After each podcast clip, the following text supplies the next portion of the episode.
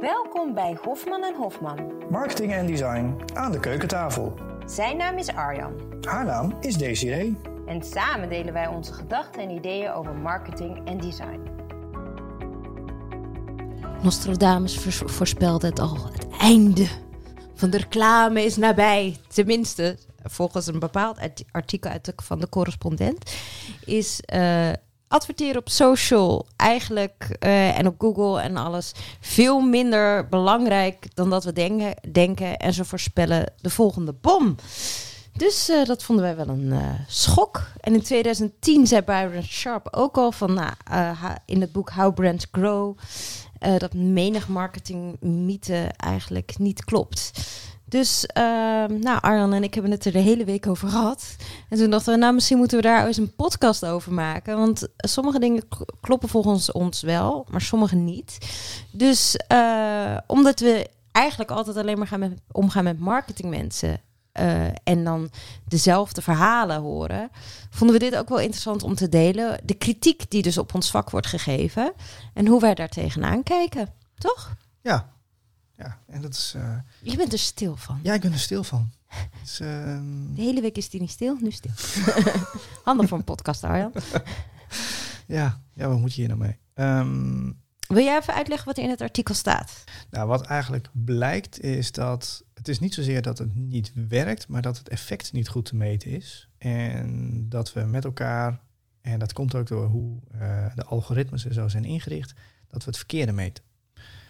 En Daardoor zouden we eigenlijk mensen die we toch al bereiken, uh, advertenties voorschotelen, daarvoor betalen, terwijl het onnodig is. Daar komt het heel kort gezegd uh, op neer. Ja, het was een heel mooi voorbeeld wat ze gaven. Wat we nu eigenlijk doen met social media advertising, ook op Google advertising, is je, stel je hebt een pizzatent en je laat drie jongens flyeren. En twee flyer in de stad en één flyer voor de deur bij de ingang met kortingscoupons. ja, dan, uh, als je dan meet van wie het meeste naar binnen brengt, is diegene die voor de deur staat. Want die mensen hadden, waren toch al van plan om naar je pizzatent te gaan. Ja, en die stonden al te wachten. Ja, dus die denken, hé, mooi zo. ik krijg er nog een kortingcoupon bij. En die anderen hebben minder succes uh, als je kijkt naar het aantal flyers wat ze ophaalt. En dat is eigenlijk wat we nu heel erg doen met de algoritmes. We doen het heel erg trechteren en zeggen: Oh, jij wilde dus een BH, of jij wilde een onderbroek, of jij wilde een uh, nieuwe skipak kopen. Daar zoek je op. Uh, je zit al echt uh, soms op het merk zelfs te zoeken. En dan betaal je daar ook nog eens voor. Dus ja. ja, dat is een beetje zonde. Het voorbeeld waar ze eigenlijk als eerste mee aankwamen is eBay. daar ja, eBay, die, de, de marketeers klopten zichzelf daar op de borst omdat ze met brand keywords, dus zoeken op de naam eBay, dat ze daar ongelooflijk veel succes mee haalden. En toen hadden ze een econoom uitgenodigd om daar eens wat meer over te vertellen. En die stelde wat kritische vragen, Steve uh, Tedelis. En um, nou, al snel bleek dat ja, de, de, methode, methodische termen en zo die ze gebruikten, dat het eigenlijk niet helemaal klopte. Dat ze niet helemaal verstand hadden van wat ze nou precies aan ja, en dat het luxe termen waren, maar dat het eigenlijk neerkwam op allemaal dingen die al jarenlang gebruikt werden. Dus dat mensen een beetje ook soms overrompeld waren door de termen. Ja, dus, inderdaad heel veel management speak erin gebruiken, veel vaktermen gebruiken en zo een ander overdonderen. Alleen hij liet zich daar niet door vangen. En uh, ja, Vervolgens uh, stelde hij voor om eens een test te doen om eens daadwerkelijk het effect te kunnen meten. En hij zei van, nou, stop dan gewoon eens met die advertenties en kijk wat er dan gebeurt. Nou, dat was een beetje een schok en daar werd eigenlijk niet op ingegaan. En via een toeval kwam alsnog die mogelijkheid voorbij. En toen bleek dat, uh, toen hij daadwerkelijk inderdaad die, die test mocht gaan uitvoeren, uh, dat het eigenlijk totaal geen effect had. Nee, het had dus gewoon, het stoppen met die advertenties. Het had gewoon helemaal... Dus 20, ja. 20 miljoen was het. Ja, was in ieder geval tientallen miljoenen zijn er weggegooid. En het, het had zo uh, 20 miljoen bespaard door alleen al op termen als eBay of schoenen, uh, jassen en dat soort dingen. Waar ze toch al goed op scoren. Uh, om met die advertenties, die search advertenties daarmee te stoppen. Ja, dus dat is eigenlijk, eigenlijk verdien je dus geld door niet te adverteren. Ja. Wat dus eigenlijk een beetje tegenstrijdig is. Aan ja, het ligt er een beetje aan. Ja, en het werd door de marketingafdeling vooral berekend dat ze daar heel veel winst mee maakten. Maar door juist die testen te doen, bleek dat ze eigenlijk heel veel geld toelegden op die advertenties.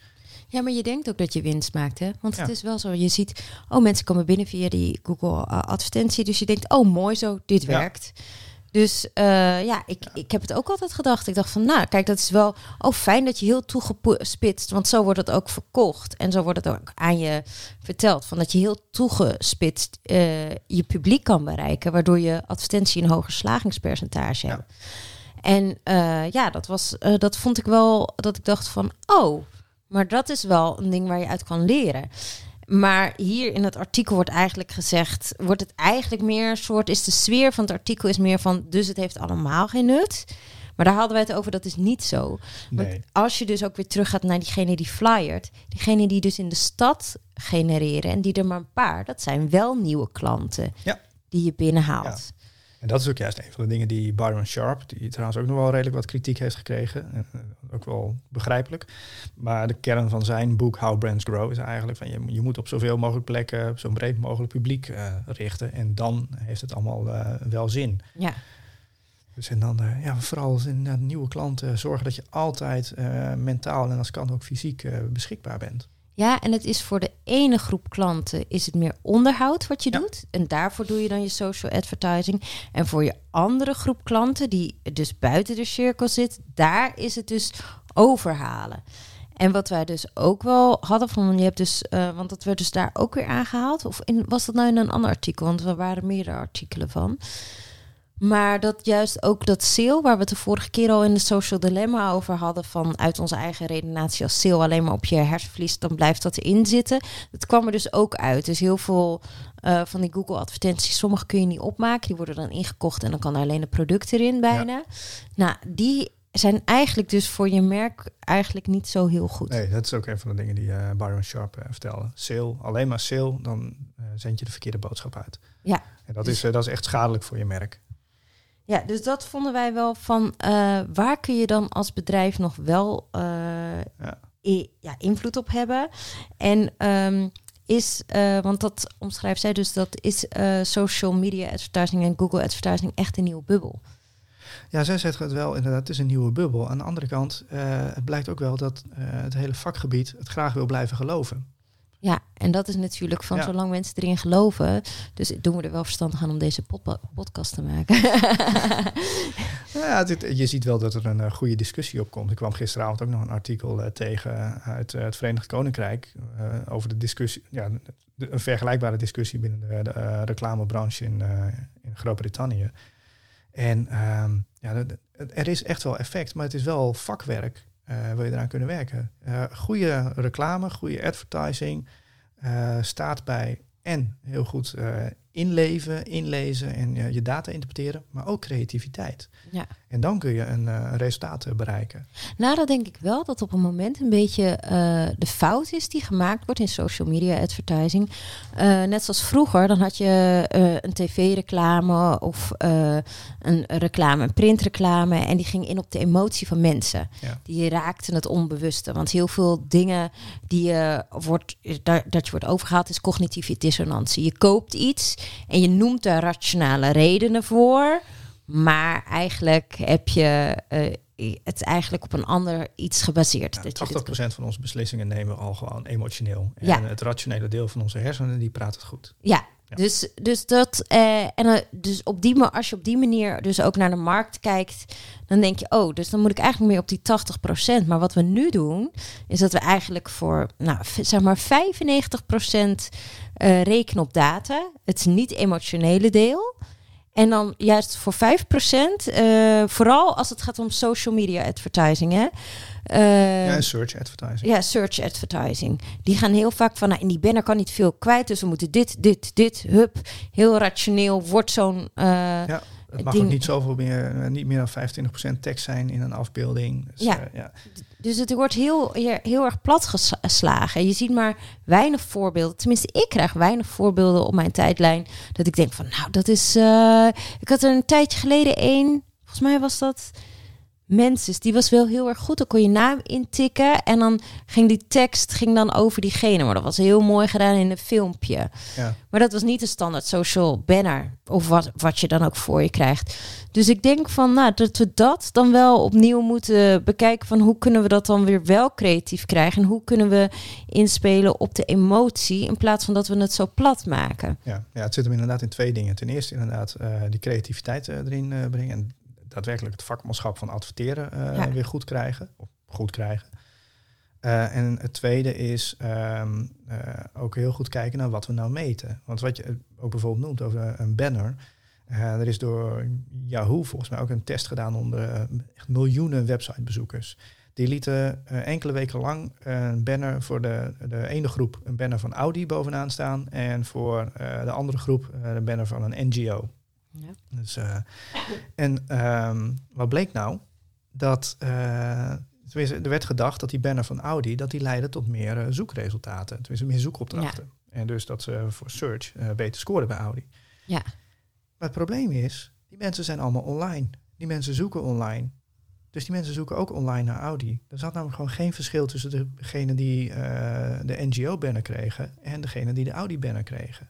Dus toen ze daadwerkelijk dieper in die resultaten gingen kijken, konden ze ook zien dat dat dus gewoon geen effect heeft. Dat betekent niet dat die advertentie totaal geen effect heeft. Want het kan wel zijn dat Audi of die NGO daardoor in je brein een betere positie heeft. Maar het is niet direct meetbaar. Ja. Want je bent namelijk al online. En dat betekent dat jij dus ook online al zoekt naar een term als Audi. Ja, dus eigenlijk is die zoekresultaten die goed hebben, is nog steeds heel erg belangrijk. Maar daar is ook weer zo van, want heel veel mensen die zeggen van, uh, jij zat laatst ook weer zo'n bureautje die dan schreeuwde, wij weten alles ja, we van weten de Google. geheimen van Google. Uh, Google weet, Google weet zijn eigen geheim amper. Ja, want dat is echt zo. Dat is uit meerdere onderzoeken, meerdere dingen. Als je mensen vraagt bij Google hoe werkt het precies. Ze weten het niet. Nee. Dus dat is eh, eigenlijk wel, ja, je kan heel veel. eh, want er was ook een tijdje geleden. Was er eh, toch ook iemand die had allemaal eh, dingen ge- van afbeeldingen. Want dat vond ik zo'n interessante. Ik krijg heel vaak te horen dat afbeeldingen niet te zwaar mogen worden. Ja.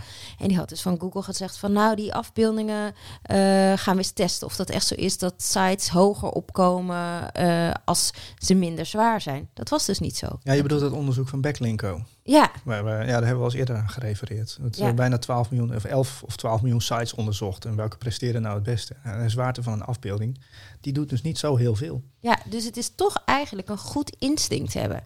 En dat is eigenlijk, moet je voor een goede marketing, dus eigenlijk ook eh, misschien nog meer verstand hebben van psychologie en het menselijk gedrag. Ja.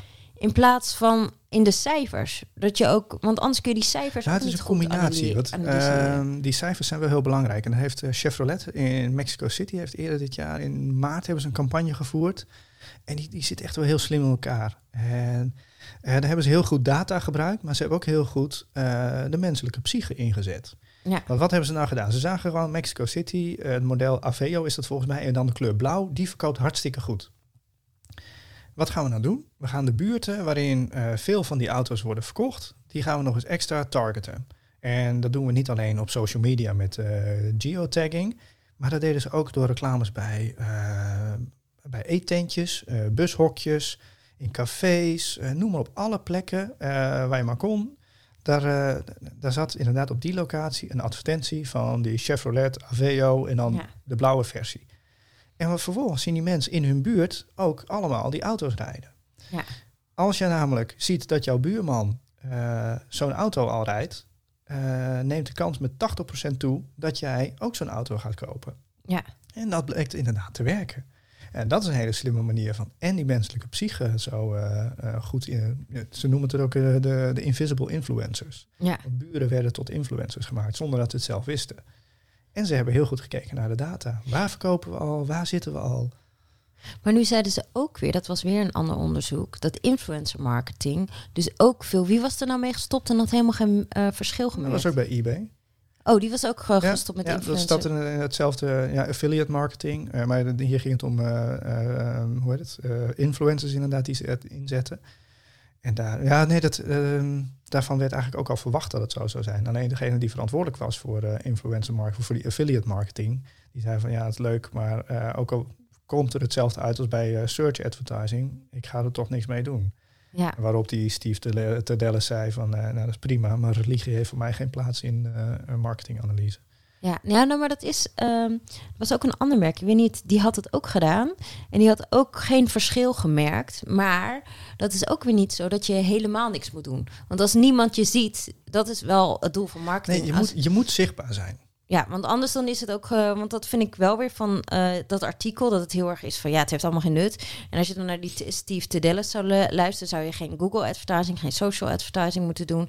En laatst had ik ook, toen zocht ik op Mango. En uh, nou, nee, die heeft is, dus. Het is, maar het is niet dat hij zegt dat je het niet moet doen. Het is alleen van wat meet je.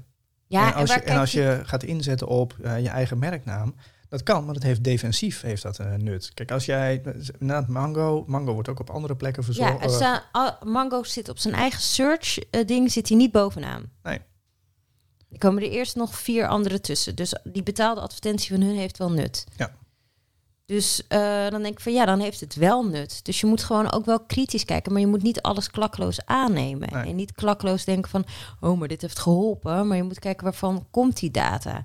Ja. ja, en het dus heel slim inzetten. Want ehm, de kern van wat ze hebben uitgevonden, en ook Facebook heeft heel veel tests uh, gedraaid met uh, wat werkt in advertenties en wat niet. En dan heb je dus het selectie-effect en het advertentie-effect. Wat je wil is het advertentie-effect. Mensen die jouw merk nog niet kennen, nog niet in overweging namen, dat die bij jou gaan kopen. Dat zijn eigenlijk je nieuwe klanten. Ja. Het selectie-effect, dat zijn de mensen die toch wel van plan waren om bij jou uh, te gaan kopen. En die klikken nu op een advertentie waar jij voor betaalt, terwijl ze eigenlijk net zo goed op een organische link hadden kunnen klikken. Ja, en die je dan veel liever naar boven laat komen. En bij, bij Facebook kwam uit al die tests, en het maakt niet uit voor welke productgroep, welke categorie, maar dat het selectie-effect altijd hoger is. En dat komt doordat die algoritmes zo, die algoritmes halen alle willekeur eruit. Ja. En die willekeur heb je juist nodig om mee te kunnen spelen. Ja, dat je nieuwe. Daar zitten je randen. Ja, maar dat is natuurlijk wel heel erg moeilijk, want als de algoritmes zo worden ingedeeld, je hebt ook wel eens, dat zeg ik tegen jou wel eens van, dat ik soms niet snap dat dan bepaalde posts heel goed scoren en dat ik ook dingen van bepaalde mensen op mijn tijdlijn krijg van dat ik denk, nou dit interesseert me nou echt niet. En dan dingen die ik wil weten, die komen niet naar boven. Daar moet ik echt naar op zoek. En dus die al algoritmes zijn ook niet heiligmakend. Helemaal voor iemand zoals ik. Want ik like... Nou, ik ben nu wel wat meer aan het liken... omdat ik wat meer diversiteit op mijn tijdlijn wil... naar uh, de social dilemma. Dus dan denk ik, nou, dan like ik dit nog even en dat... zodat ik ook daarvan dingen krijg. Maar eigenlijk ben ik daar niet zo van. Dus Facebook bijvoorbeeld... nou, uh, van mijn echte vrienden krijg ik eigenlijk nooit wat te zien. Nee. Dus uh, nou, daar heb ik dan contact via, via WhatsApp. dus uh, het maakt het wel weer wat persoonlijker. Maar het is wel dat die algoritmes volgens mij ook niet... Die hebben zoiets van, oh, die is populair. Maar dat zijn vaak mensen die heel erg actief zijn. Het zijn niet altijd de mensen waarvan je nou de dingen bepaald interessant vindt. Nee, dat klopt. Dus, dat, uh, ja, daarmee sla je precies de spijker op zijn kop. Ja, en dat is ook dat ze die algoritmes met, uh, dat heet toch pots, dat je dan in groepen gaat zitten en dat je dan, dan zit je bijvoorbeeld, uh, je wil een Instagram op, account opstarten en dan ga je, uh, spreek je met elkaar af, als jij bij ons lid bent, dan liken we alles van je. En dat heb je dan meteen al heel veel likes op je post, waardoor je Instagram-account groeit, waardoor het meer, meer mensen laten zien. Ja. Doordat zulke dingen ontstaan, wordt het eigenlijk een soort, ja, ook al een beetje flut mensen proberen gewoon het systeem uh, te beïnvloeden. Ja, ze zien hoe het werkt en uh, ja, het is te beïnvloeden. Dus je probeert slimmer te zijn dan het algoritme. Ja, maar dat maakt dus wel dat het, uh, ja, meer, ja, ik vind het gewoon minder kwaliteit leveren. Ik vind ook wel dat heb je vaak met een nieuw social kanaal. Want ik ga er dan wel eens kijken op andere social kanalen. En vaak als die dan net nieuw is, dan is die leuk. En dan is die een tijdje en dan wordt het weer zo'n saaie drap. En dat is denk ik wel van ja, het nadeel van social op het moment dat het. Ja, het is natuurlijk ook wel een beetje de vraag van hoe ga je als merk om met je social? Tenminste, met al je kanalen. Hè? Elk kanaal heeft zijn eigen functie. En daar moet je goed naar blijven kijken. En wat, uh, wat ik wel herken, is dat vaak in de loop van de tijd wordt alles maar een beetje uh, hetzelfde gedaan. Dus elk kanaal wordt hetzelfde ingezet. Je ziet dezelfde advertentie op social, maar ook in print en bushokjes. Ja. Ja, dan ben je wel het effect kwijt.